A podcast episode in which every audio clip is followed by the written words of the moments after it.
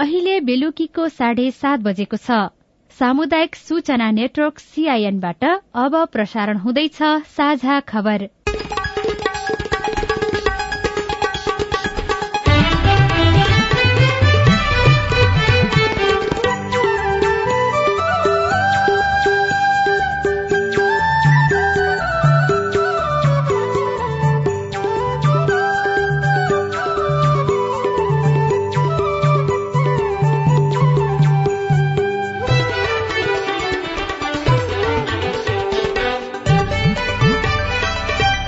सीआईएनको साझा खबरबाट लील प्रकाश चन्दको नमस्कार। साझा खबर देशभरिका सामुदायिक रेडियो सीआईएन खबर डट कम सीआईएनको फेसबुक पेज र मोबाइल एप सीआईएनमा पनि सुन्न सकिन्छ।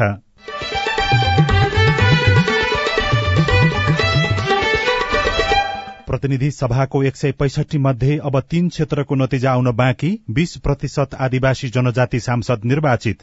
दोलखाका दश केन्द्रमा झण्डै पचास प्रतिशत खस्यो मत। बाजुरामा एघार दिनपछि मतगणना शुरू सर्वदलीय बैठक तीन पटकसम्म बसालेर सहमति नै कायम गरौं गणनालाई चाहिँ सुचारू रूपले सहयोग गर्ने भन्ने हिसाबमा सबै सर्वदलीय सहमति गराएर हामीले काम सुरु गरेका छौं।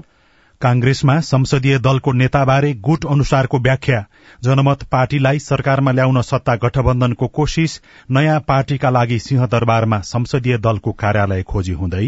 सीमित संरचना छन्। ती सीमित संरचनाले पुग्दैन। त्यसैले उहाँहरूको लागि आवश्यक पर्ने त्यस्ता संसदीय दलका कार्यालय कहाँ उपयुक्त हुन्छ भनेर त्यस्ता ठाउँहरूको खोजी कार्य भइरहेको छ।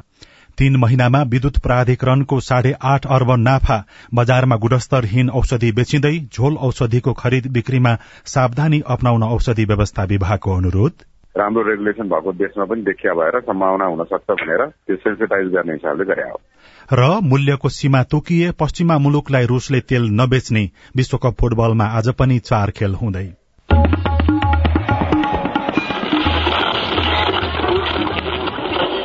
सयौं रेडियो। हजारौं रेडियो कर्मी र करोड़ौं नेपालीको माझमा यो हो सामुदायिक सूचना नेटवर्क सीआईएन हरेक असफलता र हण्डर ठक्करको पाठ भइरहेको अभ्यास र हिँडिरहेको बाटोका बारेमा पुनर्विचार गर्नु हो। अहिलेको निर्वाचनको नतिजा आफ्नो लागि सुखद नरहेको बुझाइ स्थापित भइसकेका राजनैतिक दलका नेताहरूको छ। तर पनि सत्ताको स्वाद र कुर्सीका लागि उनीहरू हद नाघेर सम्झौता गर्न लागि परिरहेको देखिन्छ। मतदाता भने दलहरूले सचिँदै आफ्नो लागि हिजोको भन्दा आज राम्रो नीति निर्माण र कार्यान्वयन गर्लान् कि भनेर अझै पर्खिरहेका छन्। अब खबर स्नेहा कर्णबाट। मंगिर चार गते भएको निर्वाचनको हालसम्म एक सय बैसठी क्षेत्रको मत परिणाम सार्वजनिक भएको छ। बाँकी तीन स्थान मध्ये बाजुरा र स्याङजा दुईमा मतगणना चलिरहेको छ। हिजो निर्वाचन आयोगले बाजुरामा पुनः मतदान नगरी मतगणना गर्ने निर्णय गरेसँगै एघार दिनदेखि रोकिएको बाजुराको मतगणना शुरू भएको हो। आज बिहान बसेको सर्वदलीय बैठकले दिउँसो साढे तीन बजेबाट मतगणना गर्ने निर्णय गरे पनि साँझ छ बजेबाट मात्रै शुरू भएको थियो। बढ़ीमालिका नगरपालिकाको वड़ा नम्बर एक चार र पाँच हिमाली गाउँपालिकाको वड़ा नम्बर तीनबाट मतगणना गर्न शुरू गरिएको जिल्ला निर्वाचन कार्यालय बाजुरा ले जनाएको छ। सीआईएनसँग कुराकानी गर्दै प्रमुख जिल्ला अधिकारी प्रकाश चन्द्र अधिकारीले भन्नुभयो। स्याङजा दुईमा नेपाली कांग्रेसका उम्मेद्वार धनराज गुरूङको अग्रता भने कायमै रहेको छ। गुरूङ एमालेका उम्मेद्वार पद्मा अरियालसँग दुई हजार चौवालिस मतान्तरले अग्रता लिइरहनु भएको छ। केही बेर अघि सार्वजनिक मत परिणाम अनुसार गुरूङले सात हजार नौ सय सात र अरियालले पाँच हजार आठ सय त्रिसठी मत पाउनु भएको छ। यस्तै प्रदेशसभा एकमा कांग्रेसका भोज राज अरियाल दुई हजार सतहत्तर मतान्तरले अग्रता लिइरहनु भएको छ। दोलखा का दसवटा केन्द्रमा आज पुनः मतदान भएको छ। निर्वाचन आयोगले यसअघिका निर्वाचनमा बुथ कब्जा भएको निष्कर्ष निकालेपछि पुनः मतदान गर्न निर्देशन दिएपछि आज पुनः निर्वाचनको लागि मतदान गरिएको हो। यसअघि मंगिर चारमा भएको निर्वाचनको क्रममा विवाद उत्पन्न भएपछि त्यहाँ मतदान रोकिएको थियो। त्यसकारण निर्वाचन आयोगले आज दोलखाका दश केन्द्रमा पुनः मतदान गर्न निर्देशन दिएपछि आज पुनः मतदान भएको हो। प्रतिनिधि सभा सदस्यको प्रत्यक्ष निर्वाचनबाट करिब एक तिहाई सांसद पहिलो पटक निर्वाचित भएका छन्। आयोगको अध्यावधिक विवरण अनुसार आज साँझसम्म निर्वाचित एक सय बैसठी सांसद मध्ये सन्ताउन्न जना पहिलो पटक निर्वाचित भएका हुन्। यो कुल निर्वाचित संख्याको पैंतिस प्रतिशत हो भने प्रत्यक्षतर्फको एक सय पैंसठी सीटको चौतिस दशमलव पाँच चार प्रतिशत रहेको छ। जसमा नेकपा एमाले र कांग्रेसबाट बराबरी सोह्र सोह्र जना उम्मेद्वार पहिलो पटक आफ्नो क्षेत्रको नेतृत्वमा संसद छिर्दैछन्। यसअघि बागमती प्रदेश सभा सदस्य रहेका विराज भक्त श्रेष्ठ बाहेक स्वतन्त्र पार्टीका निर्वाचित सबै उम्मेद्वार पहिलो पटक सांसद बनेका हुन्।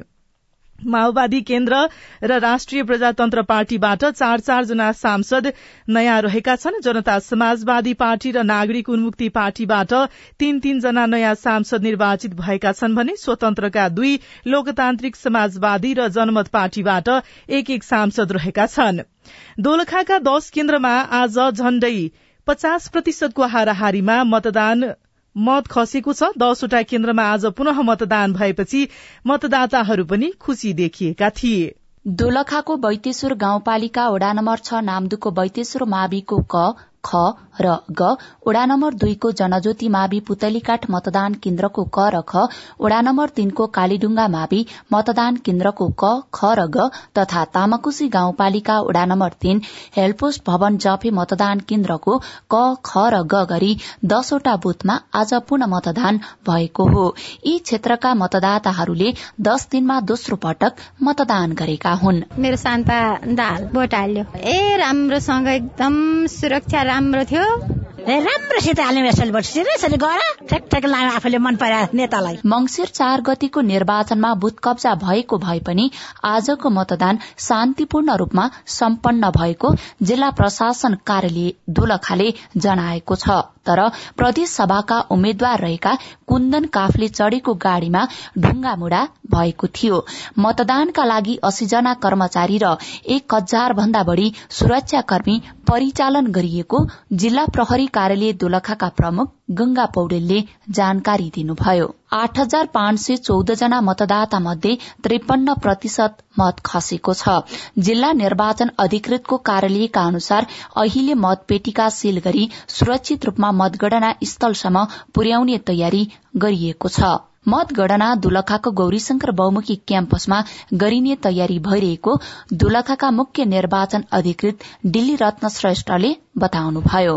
दोलखा जिल्ला अन्तर्गत दसवटा मतदान केन्द्रमा पुनः मतदानको कार्य सम्पन्न भएको छ। आठ हजार पाँच सय पन्ध्र मतदाताहरू भएको ठाउँमा यो जम्मा दसवटा केन्द्रमा भएको थियो। त्यसमा चाहिँ चार हजार सन्ताउन्न मतदान भएको छ। यसरी हेर्दाखेरि पचास प्रतिशत मतदान भएको छ। आज शान्तिपूर्ण ढङ्गबाट मतदान भएको छ। मतदाताहरू स्थायी हुनु देखिनुहुन्थ्यो। सबै सुरक्षा व्यवस्था पनि राम्रो भएको हामीले पायौँ। समग्रमा आज शान्तिपूर्ण ढङ्गले निर्वाचन सम्पन्न भएको छ। मंगिर चार गते भएको निर्वाचनमा दोलखामा त्रिपन्न दशमलव नौ आठ प्रतिशत मतदान भएको थियो। Buna Ghimire CIN radio Sailung Dolakha.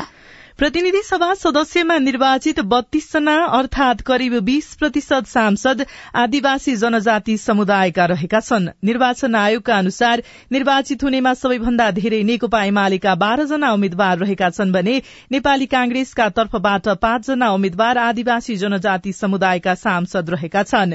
नेकपा माओवादी केन्द्रबाट छ जना नेकपा एकीकृत समाजवादीबाट पाँचजना राष्ट्रिय प्रजातन्त्र पार्टी जनता समाजवादी पार्टी राष्ट्रिय स्वतन्त्र पार्टी पार्टी र नागरिक उन्मुक्ति पार्टीका तर्फबाट एक एकजना गरी बत्तीसजना आदिवासी समुदायका सांसद निर्वाचित भएको आयोगले जनाएको छ। समानुपातिक तर्फ अब करिब पाँच प्रतिशत मत मात्रै गन्न बाँकी रहेको छ। निर्वाचन आयोगका अनुसार एक करोड़ दुई लाख भन्दा बढ़ी मतगणना भइसकेको छ। आयोगको पछिल्लो अध्यावधिक विवरण अनुसार अहिलेसम्म प्रमुख प्रतिपक्षी दल नेकपा एमालेको अग्रता कायमै देखिएको छ। हालसम्म एमाले सताइस लाख उनासत्तरी हजार नौ सय एकानब्बे मत प्राप्त गरेको छ भने नेपाली कांग्रेसले छब्बीस लाख उन्चालिस हजार एक सय एकचालिस मत पाएको छ। नेकपा माओवादी केन्द्र एघार लाख साठी हजार सात सय त्रियासी मत पाएर तेस्रो स्थानमा छ भने राष्ट्रिय स्वतन्त्र पार्टीले एघार लाख पन्ध्र हजार चार सय बैसठी राष्ट्रिय प्रजातन्त्र पार्टीले पाँच लाख पचासी हजार नौ सय छैसठी जनता समाजवादी पार्टी नेपालले चार लाख बीस हजार सात सय पचास र जनमत पार्टीले तीन लाख चौरानब्बे हजार एक सय उनासाठी मत प्राप्त गरेका छन्। औषधि व्यवस्था विभागले हानिकारक रसायन मिसावट भएका झोल औषधि बिक्री वितरण नगर्न निर्देशन दिएको छ। बाल बालिकाका लागि प्रयोग हुने झोल औषधिमा इथिलिन ग्लाइकोन र डाइथिलिन ग्लाइकोल नामक विषाक्त रसायन मिसिएको हुन सक्ने भन्दै त्यसको अनिवार्य यकिन गरेर मात्रै बिक्री वितरण गर्न सबै उत्पादक तथा पैठारीकर्तालाई निर्देशन दिएको विभागका सूचना अधिकारी सन्तोष केसीले सीआईएनसँग बताउनुभयो। सेन्सिटाइज गर्ने हिसाबले मात्रै हो त्यो समस्या त होइन। तर बाहिरतिर देखिए हिसाबले यहाँको जुन उत्पादकहरू छ उहाँहरूलाई पनि त्यो एसियर गरेर मात्रै बिक्री वितरण गर्नु भन्ने हिसाबले निकालेको हो। कच्चा पदार्थ जसले ल्याउँछन् नि उत्पादकले त्यो हेर्ने नै हुन्छ। त्यसमा चाहिँ त्यो रुटिन क्वालिटी कन्ट्रोलमा त्यो हेर्ने नै हुन्छ। तर अब केही गरी भेन्डर चेन्ज हो साबिकको भन्दा फरक ठाउँबाट चाहिँ कच्चा पदार्थ आउनु लाग्यो भने त्यसमा चाहिँ एसियर गरेर मात्रै गर्नु भन्ने हिसाबले निकालेको हो। हामीभन्दा अलिक राम्रो रेगुलेसन भएको देशमा पनि देखिया भएर सम्भावना हुन सक्छ भनेर त्यो सेन्सिटाइज गर्ने हिसाबले गरे हो। खोकीको कप सिरप तथा झोल औषधिकै कारण मृगौलामा असर गरी इण्डोनेसियामा एक सय तेत्तीस र गाम्बियामा सत्तरी जना बाल बालिकाको मृत्यु भइसकेको छ। साझा खबरमा अब विदेशको खबर। रूसले तेलको मूल्यको सीमा तोके पश्चिमा मुलुकलाई तेल नबेच्ने घोषणा गरेको छ। रूसको विदेश मन्त्रालयले एक वक्तव्य जारी गर्दै अमेरिका सहितका पश्चिमा मुलुकले तेलको मूल्यमा सीमा तोकेर मुलुकको अर्थतन्त्रलाई मात्रै नभई विश्व बजारलाई प्रभावित गर्ने प्रयास गरिरहेको हुँदा उनीहरूलाई तेल नबेच्ने बताएको हो।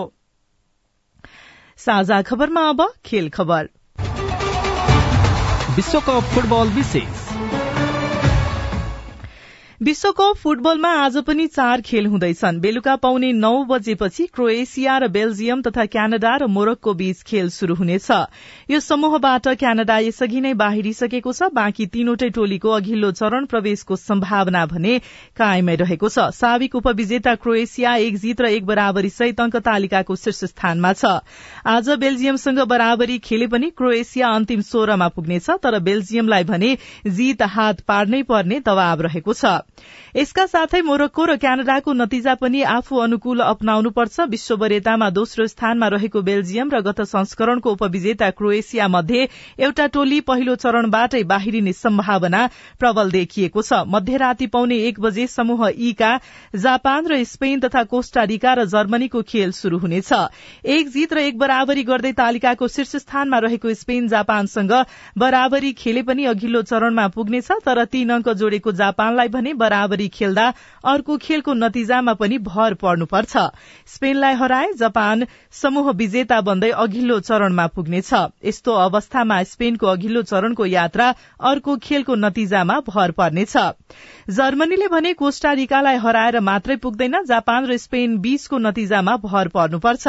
स्पेनले जापानलाई हराए कोष्टारिकालाई पराजित गर्दा जर्मनी अघिल्लो चरणमा पुग्नेछ। जर्मनीलाई हराउन सके कोष्टारिका पनि अन्तिम सोह्रमा पुग्नेछ।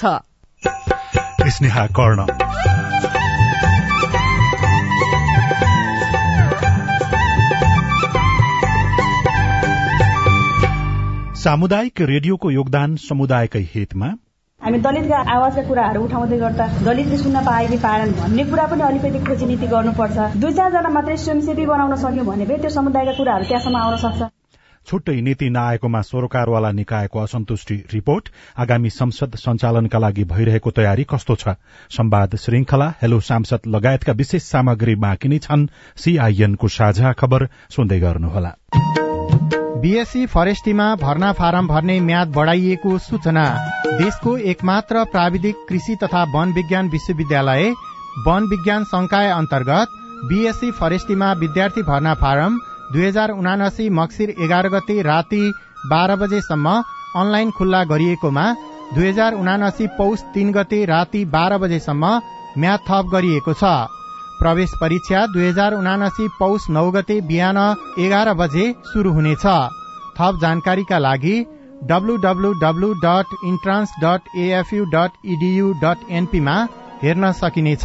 सम्पर्क फोन नम्बर शून्य सन्ताउन्न पाँच तेइस दुई सय अडचालिस नेपाल टेलिकमको सूचनाको संसार। होइन के सुनेको यस्तो ध्यान दिएर दोहोरो बोलेको जस्तो नि देख्दिन। तीन दुई एक शून्य शून्य क्या? तीन दुई एक शून्य शून्य? के हो त्यो भने? बुझिन त। ल सुन एनटिसी प्रयोगकर्ताहरूले आफ्नो मोबाइल तथा ल्यान्डलाइनमा तीन दुई एक शून्य शून्य डायल गरी समाचार रेडियो कार्यक्रम खेल र अन्य विषयबारे सन्देशहरू जुनसुकै बेला निशुल्क सुन्न सक्छन्। ओहो निशुल्क? कस्तो सजिलो। समाचार सुन्न छुट्यो भनेर पिर लागेको थियो। अब त म पनि सुनिहाल्छु। कति रे? तीन दुई एक शून्य शून्य। सामाजिक रूपान्तरणका लागि यो हो सामुदायिक सूचना नेटवर्क सीआईएन तपाई अहिले सामुदायिक सूचना नेटवर्क सीआईएनले तयार पारेको साझा खबर सुन्दै हुनुहुन्छ। नेपाल विद्युत प्राधिकरणले चालू आर्थिक वर्षको पहिलो तीन महिनामा साढे आठ अर्ब रूपियाँ खुद नाफा कमाएको पाइएको छ। साउन भदौ र असोजसम्मको वित्तीय विवरण अनुसार प्राधिकरणले विद्युत बिक्री ब्याज तथा अन्य आमदानीबाट बत्तीस अर्ब अन्ठानब्बे करोड़ रूपियाँ कुल आमदानी गरेको हो। यो अवधिमा चौविस अर्ब अडचालिस करोड़ खर्च गरी प्राधिकरण आठ अर्ब पचास करोड़ रूपियाँ कर अघि खुद नाफा कमाउन सफल भएको हो। सरकारी स्वामित्वका कम्पनी मध्ये प्राधिकरणको यो नाफा सबैभन्दा धेरै हो।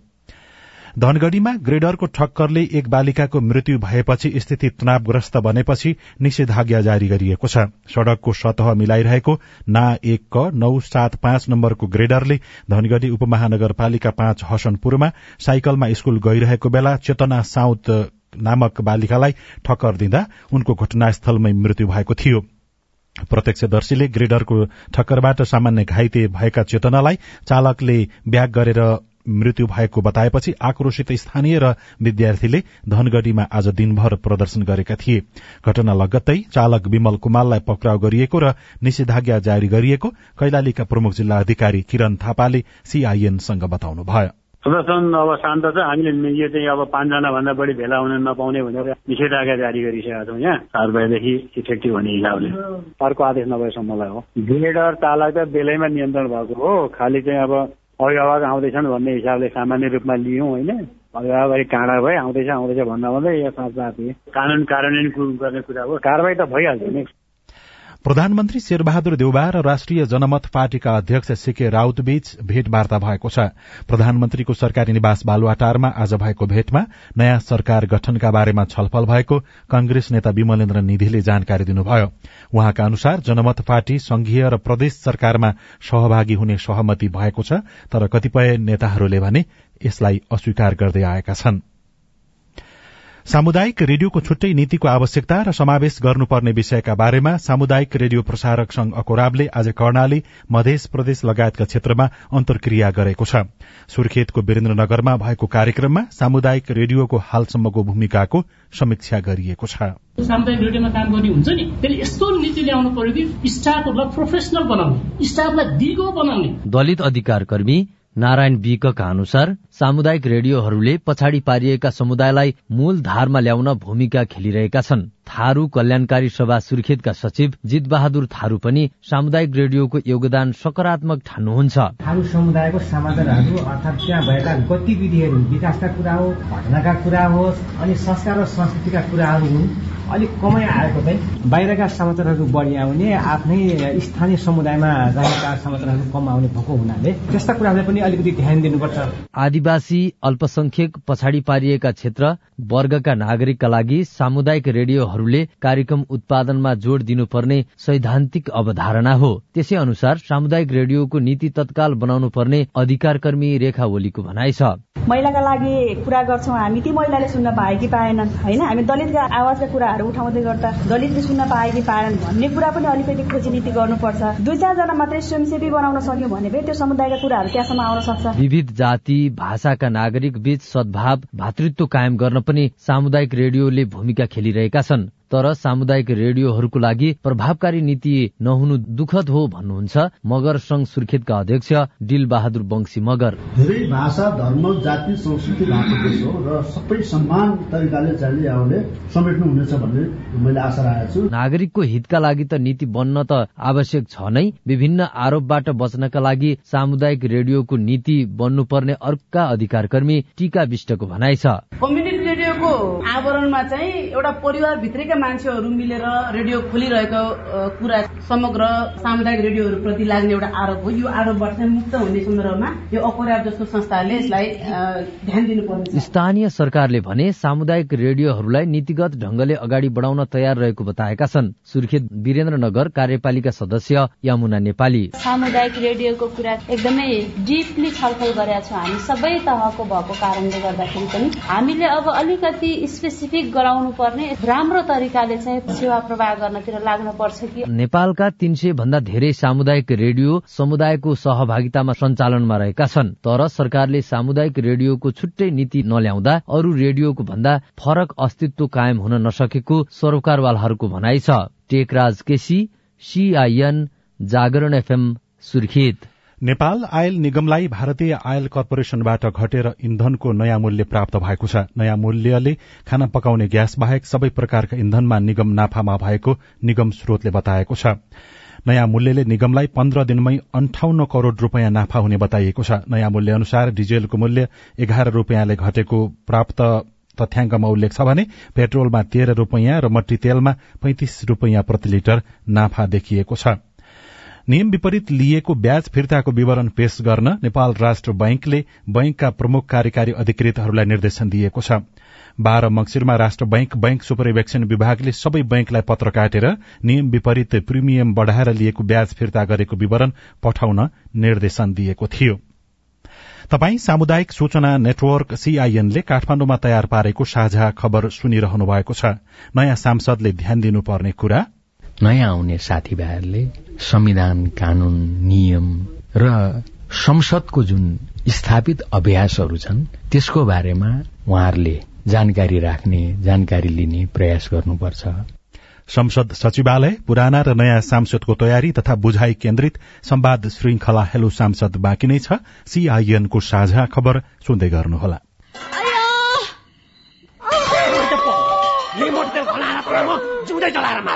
ए बुढा बुढा लौन नि त्यो माइलाले त मार्ने भयो त माइलीलाई। मटी त पो खनाउँदैछ त। लौन नि झट्टै पुलिस बोलाइदिनु त। हो त पुलिसलाई खबर नगरी भएन। यसले त अति नै गर्न लाग्यो। एक शून्य शून्य। Hello police station? लौन तपाईँहरू झट्टै यो जिल्ला अस्पताल लिएर आइदिनु पर्यो। तपाईँहरू जस्तो असल छिमेकीलाई चाहिँ धेरै धन्यवाद है। हामीलाई बेलैमा खबर गरिदिनु भएर थप अप्रिय घटना हुन पाएन। यसरी अग्निजन्य हिंसा महिला हिंसा गर्नेलाई त कानून बमोजिम दण्ड सजाय हुन्छ। ल यसलाई लिएर हिँड्नुहोस् त। सावधान पेट्रोल मट्टीतेल जस्ता ज्वलनशील पदार्थ लगायत तेजाब करेन्ट आदिले जलाई ज्यान मार्ने अङ्गभङ्ग गर्ने शारीरिक क्षति पुर्याउने जस्ता आपराधिक कार्य गर्नेलाई प्रचलित कानून अनुसार कडा भन्दा कडा सजाय तथा जरिवानादेखि जन्म कैदसम्म हुने व्यवस्था छ। त्यस्ता कार्य नगरौं नगराउ। अग्निजन्य हिंसा भएमा उजुरी गर्न प्रहरीको नम्बर एक शून्य शून्यमा र अन्य आवश्यक सहयोगको लागि बीबीएस नेपालको फोन नम्बर शून्य एक चौन्न पचपन्न छ आठ नौमा सम्पर्क गर्नुहोला। अग्निजन्य हिंसा विरूद्धको अभियानमा एक्सन एड नेपाल र बीभीएस नेपालद्वारा जनहितमा जारी सन्देश। सामाजिक रूपान्तरणका लागि यो हो सामुदायिक सूचना नेटवर्क सीआईएन तपाई सामुदायिक सूचना नेटवर्क सीआईएनले काठमाडौँमा तयार पारेको साझा खबर सुन्दै हुनुहुन्छ। अब प्रस्तुत छ संवाद श्रृंखला हेलो सांसद। नमस्कार। संवाद श्रृंखला हेलो सांसदमा तपाईंलाई हार्दिक स्वागत छ। म अविनाश आचार्य। आजको संवाद श्रृंखला हेलो सांसदमा हामी नवनिर्वाचित सांसदको संसद प्रवेश र उनीहरूले संसदमा खेल्नुपर्ने भूमिकाका विषयमा कुराकानी गर्दैछौ। प्रतिनिधि सभा प्रदेश सभाका लागि मंगिर चार गते भएको निर्वाचनको मतगणना अन्तिम चरणमा छ। संविधानको धारा त्रियानब्बेमा प्रतिनिधि सभाका लागि भएको निर्वाचनको अन्तिम परिणाम घोषणा भएको मितिले तीस दिनभित्र राष्ट्रपतिले संघीय संसदको अधिवेशन आह्वान गर्ने व्यवस्था छ। त्यसो हुँदा ढिलोमा पनि अबको एक महिनामा नवनिर्वाचित सांसदहरू संसद भवन प्रवेश गर्नेछन्। उनीहरूको स्वागतका लागि संघीय संसद सचिवालयले आवश्यक तयारी गरिरहेको छ। संसद भवनको रंगरोगन मर्मत सम्भारदेखि संसदीय दलका कार्यालयहरूको व्यवस्थापनमा सचिवालय व्यस्त छ। सीआईएनसँग कुराकानी गर्दै सचिवालयका प्रवक्ता दशरथ धमलाले अहिले नयाँ दलका लागि संसदीय दलको कार्यालय व्यवस्थापन गर्ने काम चलिरहेको बताउनुभयो। अहिले प्रतिनिधि सभाको निर्वाचन पश्चात साबिकमा भइरहेका दलभन्दा केही बढ़ी दलहरू आउने देखिएको छ। ती दलहरूलाई हाम्रो कानूनमा व्यवस्था भए बमोजिम दुईजना भन्दा बढी सदस्यहरू हुनुहुन्छ भने उहाँहरूको का संसद दलको कार्यालय हुन्छ भन्ने व्यवस्था छ र उहाँहरूलाई संसद दलको कार्यालय उपलब्ध गराउनुपर्ने हाम्रो दायित्व हुन्छ। यसरी बढेका दलहरूको लागि सबभन्दा पहिला जो अहिलेसम्म छैन कार्यालय ती दलहरूको लागि नयाँ कार्यालय खोज्ने काम भइरहेको छ। हामीसँग अहिले सीमित ठाउँ छ सीमित संरचना छन्। ती सीमित संरचनाले पुग्दैन त्यसैले उहाँहरूको लागि आवश्यक पर्ने त्यस्ता संसद दलका कार्यालय कहाँ उपयुक्त हुन्छ भनेर त्यस्ता ठाउँहरूको खोजी कार्य भइरहेको छ। हामी नेपाल सरकारसँग समन्वय गरेर ती ठाउँहरूको पहिचान गर्छौं र प्राप्त गर्न कोसिस गर्छौं। प्राप्त भयो भने नेपाल सरकारले उपलब्ध गराउन सफल भयो भनेदेखि हामी त्यो ठाउँमा व्यवस्थापन गर्छौं। सिंहदरबारभित्रै। सिंहदरबारभित्रै। यदि यहाँभित्र सम्भवै भएन कुनै कारणले पनि सरकारले उपलब्ध गराउन सकेन हामीले अर्को कुनै ढंगले व्यवस्था गर्न सकेनौं भनेदेखि त्यसको विकल्पको बारेमा पछि सोच्ने कुराहरू हुन सक्ला। अब अहिले नेपाल सरकारले तत्कालै त्यस्ता संरचना उपलब्ध गराउन सकेन भनेदेखि हामीले व्यवस्था त गर्नुपर्ने छ। एउटा काम हामी पहिलो प्राथमिकता राखेर यो काम गरिरहेका छौं। यसका अतिरिक्त अहिले जुन संसदका कार्यालयहरू छन् ती कार्यालयहरूलाई पनि अरू व्यवस्थित गर्नका लागि हामीले रङ रोगन गर्ने मर्मत सम्हार गर्ने टुटफुट भएका फर्निचर लगायतका कार्यकक्षहरूको व्यवस्थापन गर्ने मिलाउने ती मर्मत सम्हारका कामहरू पनि सँगसँगै गरिरहेका छौं। प्रत्यक्ष तर्फका हालसम्म निर्वाचित एक सय बैसठी जना सांसद मध्ये सन्ताउन्न जना पहिलो पटक संसद छिर्दैछन्। उनीहरूले संसदमा कसरी प्रस्तुत हुनुपर्छ? अध्ययन र तयारी कस्तो हुनुपर्छ? प्रतिनिधि सभाको चुनावमा निर्वाचित तथा पूर्व सभामुख सुभाष नेमाङको सुझाव छ। जो नयाँ साथीहरू आउनुभएको छ संसदको लागि नयाँ हो तर यो क्षेत्रको लागि उहाँहरू एउटा अर्थमा नयाँ होइन। किनभने उहाँहरू कहीँ न कहीँ भूमिका खेल्दै यो ठाउँसम्म जनताको विश्वास जितेर आइपुग्नु भएको छ। खालि मेरो एउटा कुरा सल्लाह हो सुझाव हो त्यो के त भन्दा संसद प्रतिनिधि सभा एकदमै औपचारिक हुन्छ। यसका समय सीमाहरू हुन्छन्। निश्चित संविधान नियम स्थापित अभ्यास बमोजिम चल्नुपर्ने कुराहरू हुन्छन्। साह्रै बढी औपचारिकता जस्तो लाग्छ थाहा नपाउने मानिसहरूको लागि। यो सबै कुराहरूलाई ध्यानमा राखेर हाम्रा सांसदहरूले नयाँ आउने साथीभाइहरूले संविधान कानून नियम र संसदको जुन स्थापित अभ्यासहरू छन् त्यसको बारेमा उहाँहरूले जानकारी राख्ने जानकारी लिने प्रयास गर्नुपर्छ। संसदमा औपचारिकताको भाषा हुन्छ आदरको भाषा हुन्छ हाम्रो बाहिर आम सभाहरूमा प्रयोग गर्ने भाषाहरू संसदमा त्यो पाच्य हुँदैनन्। संसदका आफ्नै खालका सीमाहरू हुन्छन्। यो सबै कुराहरूलाई ध्यानमा राखेर उहाँहरूले प्रस्तुत हुने कोसिस गर्नुपर्छ भनेदेखि अर्कोतिर मैले औपचारिक भने फेरि पनि दोहोऱ्याउँछु। कुनै कुनै कार्यक्रममा एक मिनटमा समय सिद्धिन्छ। कुनै तीन मिनटको समय सीमा हुन्छ कोही पाँच मिनट होला। त्यो समयभित्र आफ्ना कुराहरू प्रभावकारी ढंगले राख्ने प्रयास चाहिँ सांसदहरूले गर्नुपर्ने हुन्छ। त्यसैले यो सन्दर्भमा पनि नयाँ साथीभाइहरूले विशेष तयारी गर्नुपर्ने हुन्छ। यो कुरालाई ध्यानमा राखेर अगाडि बढ्नुहोस् भन्ने मेरो सुझाव छ। र विवादै छैन। उहाँहरूले सक्नुहुन्छ गर्नुहुन्छ। उहाँहरू समेतको उपस्थितिले संसदलाई सधैँभन्दा बढ़ी प्रभावकारी बनाउँछ भन्ने मेरो विश्वास छ। हालै सम्पन्न निर्वाचनबाट नयाँ दलका नयाँ र युवा अनुहारहरू संसदमा देखिँदैछन्। केही समानताकै सवालमा वकालत गर्दै आएका महिला पनि त्यसभित्र छन्। अब संसदभित्र रहेर निर्वाचनदेखि हरेक क्षेत्रमा महिलाको सहभागिता बढ़ाउने विषयमा उनीहरूको भूमिका कस्तो हुनुपर्छ?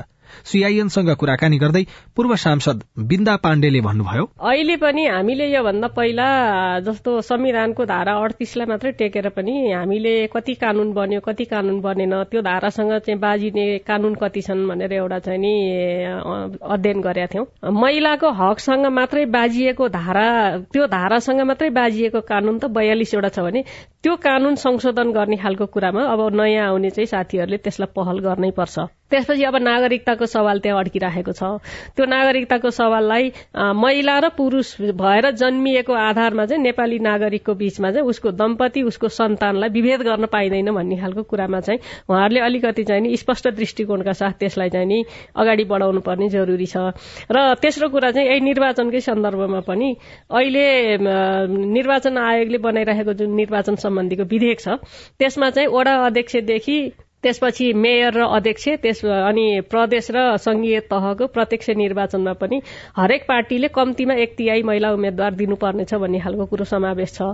अब त्यसलाई त्यहाँभन्दा घट्न दिनु भएन तर बढीमा चाहिँ नि संविधान सम्मत हिसाबले समानुपातिक हिसाबले नै उम्मेद्वारी दिनुपर्छ भन्ने हिसाबले उहाँहरूले पहल गर्नुपर्छ र त्यो आधाभन्दा बढी जनसङ्ख्यालाई विभेद गरेर कुनै पनि समाज न बन्छ न समृद्ध बन्छ भन्ने कुरालाई चाहिँ स्थापित गर्ने हिसाबले जानुपर्छ। संवाद श्रृंखला हेलो सांसदको विस्तृत कुराकानी भोलि बिहान साढे छ बजेको कार्यक्रम हेलो सांसदमा प्रसारण हुनेछ। सुन्ने प्रयास गर्नुहोला। प्रतिनिधि सभाको एक सय पैसठी मध्ये अब तीन क्षेत्रको नतिजा आउन बाँकी छ।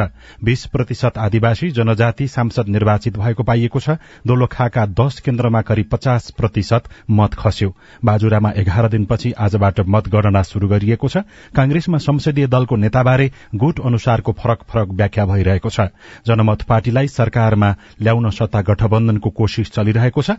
नयाँ पार्टीका लागि सिंहदरबारमा संसदीय दलको कार्यालय खोजी भइरहेको छ। तीन महिनामा विद्युत प्राधिकरणको साढे आठ अर्ब नाफा भएको छ। बजारमा गुणस्तरहीन औषधि बेच्न थालिएको भन्दै झोल औषधिको खरिद बिक्रीमा सावधानी अप्नाउन औषधि व्यवस्था विभागले अनुरोध गरेको छ। हवस् आजलाई साझा खबरको समय सकियो।